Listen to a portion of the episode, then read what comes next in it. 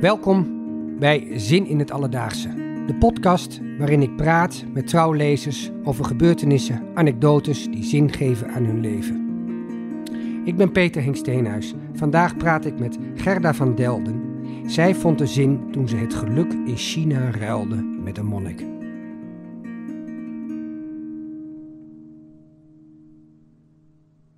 Gerda, toen ik jou de eerste keer sprak over zingeving, kwam jij met een verhaal, toch alweer een tijd geleden, ehm, wat voor jou heel typerend is en belangrijk is als je het hebt over zingeving. Ja, dat klopt. Zou je dat kunnen vertellen? Ja, het is inderdaad al lang geleden. Uh, het was ongeveer in 2000 of 2001 begonnen mijn man en ik uh, plannen te maken om naar China te gaan. Uh, maar ja, zoals het wel eens vaker in het leven gebeurt, gebeurde er bij ons ook het een en ander. En dat was dat mijn man ziek werd en na, binnen een jaar overleed hij. dus van die hele China-reis kwam natuurlijk niks. Ik, ik bedoel, ik moest mijn best doen om de draad weer op te pakken. En dat lukte best aardig. Bovendien had ik dat van huis uit wel meegekregen. Hè? Van hop, schouders eronder en gaan. Oké. Dus nou, een aantal jaren later uh, dacht ik van ja, toch wil ik wel weer naar China. Of weer. Ik wil die reis nog wel graag maken. Uh, dus een van mijn dochters die zei, ik wil wel met je mee, daar heb ik wel zin in. En we gingen dus met een kleine groep en we hebben allerlei dingen gezien en gedaan.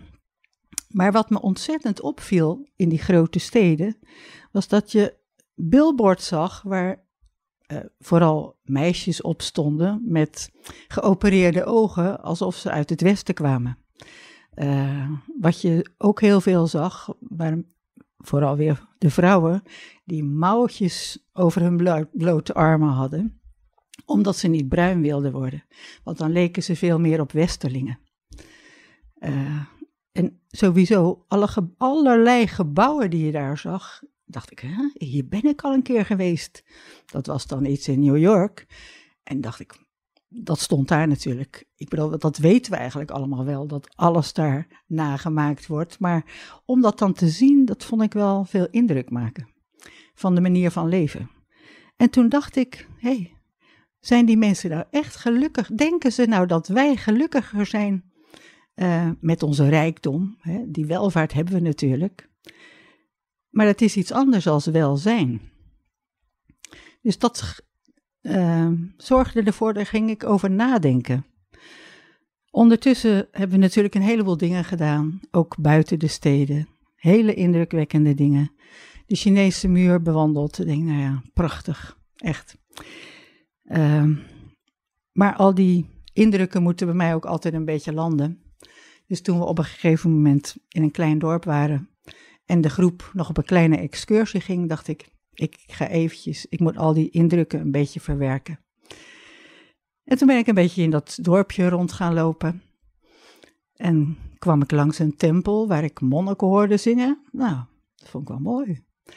En een eindje verder stond een heel klein klooster met een binnentuintje.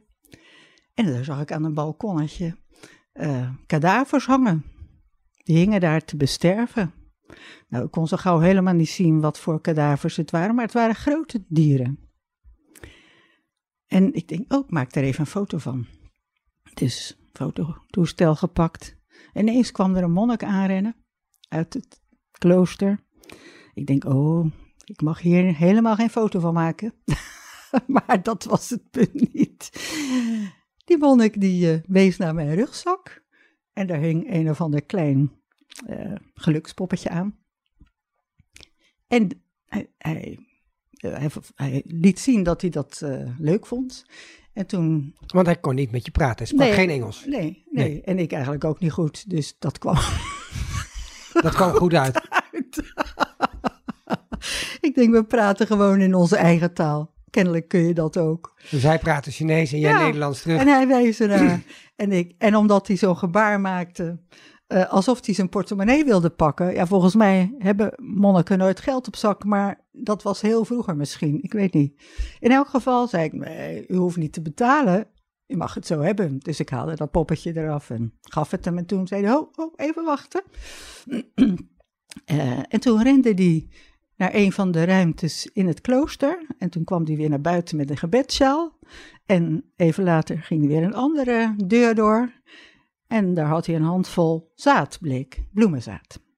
En bij mij in de buurt deed hij dat dus in die sjaal, knoopte dat dicht en toen kreeg ik dat. Nou, ik heb het met een diepe buiging ontvangen. En ik vond het ontzettend bijzonder dat we het geluk geruild hadden. Ja. En toen dacht ik van, uh, waar zit het geluk nou in? Dat zijn altijd maar momenten. Dat is niet, uh, je wenst elkaar heel vaak, nou veel geluk, maar dat is niet een periode. Dat zijn altijd maar, ja, momentjes, denk ik. En dit, dit was voor jou zo'n moment? Ja. ja. je, je hebt het beeld heel scherp voor ogen. Ik zie het ook voor me, zeg maar. Je kunt het heel scherp vertellen. Kun je ook beredeneren waarom dat moment toen optrad? Je had een geweldige reis met allerlei veel spectaculairdere um, gebeurtenissen. En toch gebeurt het hier. Ja. Ja, of die plek nou echt zo belangrijk was, weet ik niet. Um, eigenlijk ging het denk ik meer om het contact. Zonder dat je eigenlijk elkaars taal spreekt, kun je dan toch elkaar iets duidelijk maken. Dus dat vond ik al heel bijzonder. Mm -hmm. En zat het misschien ook in de kleinheid? Want je had natuurlijk allemaal grote dingen gezien en dit was een heel klein voorval. Zonder meer, ja. En het was één op één. Ah, ja, Daar, ja, dus dat vind ik dan toch wel het meest interessante, denk ik. En dat je allemaal uh, zoekt naar contact. En als je dan af en toe verbinding kan maken, zomaar met een vreemde, dat vind ik wel heel bijzonder. Is dat eenmalig daar gebeurd of heb je dat ook in je dagelijkse leven? Nou, ik zou misschien wel willen dat dat dagelijks gebeurde, maar nee, dat is niet waar. Dat gebeurt niet. Een heel enkele keer dan denk je wel eens, hé, hey, iemand raakt je echt, iemand begrijpt je zomaar ineens. Dat vind ik wel uh, heel bijzonder als dat gebeurt. Ja. Het is niet zo vanzelfsprekend. Nee. Juist daarom is het misschien ook zo'n zinvol moment geweest. Ja. En ja, uh, en ik oefen mezelf nu ook wel om steeds uh, blij te zijn met hele kleine momenten. Dus sinds ongeveer een jaar heb ik een een of ander busje op een kastje staan. En daar doe ik elke dag uh, een briefje in. Met een momentje waar ik gelukkig van werd. En dat gelukkige moet je niet al te groot zien, maar waar ik blij van werd. En soms moet ik s'avonds wel eens even denken van, oh, ja, waar werd ik nou vandaag eigenlijk echt blij van? Nou, het gaat soms echt maar om hele kleine dingen. Maar het is wel goed, vind ik, om erbij stil te staan. Mm -hmm. Wat heb je gisteravond opgeschreven? Oei, uh, moet ik even nadenken. Uh, dat ik heel blij was, maar dat was, is geen klein ding trouwens. Uh, dat het met mijn komende kleinkind goed gaat. En dat zijn ouders, aanstaande ouders moet ik dus zeggen, dat die daar zo ontzettend blij mee zijn. Hm. Dus dat vind ik wel een heel groot ding. Maar... Ja, dat schrijf je op en dan stop je met... Ja, met de datum erbij. En dan kip ik dat erin. Ja. En met die zaden, daar ben je toen teruggegaan. Ja, iedereen was naar die excursie gegaan. Stonden ze je met applaus te verwelkomen? Dat er kwam iemand met zaad aan. Hoe ging dat verder? Nou, het verhaal heb ik uh, natuurlijk tegen mijn dochter verteld.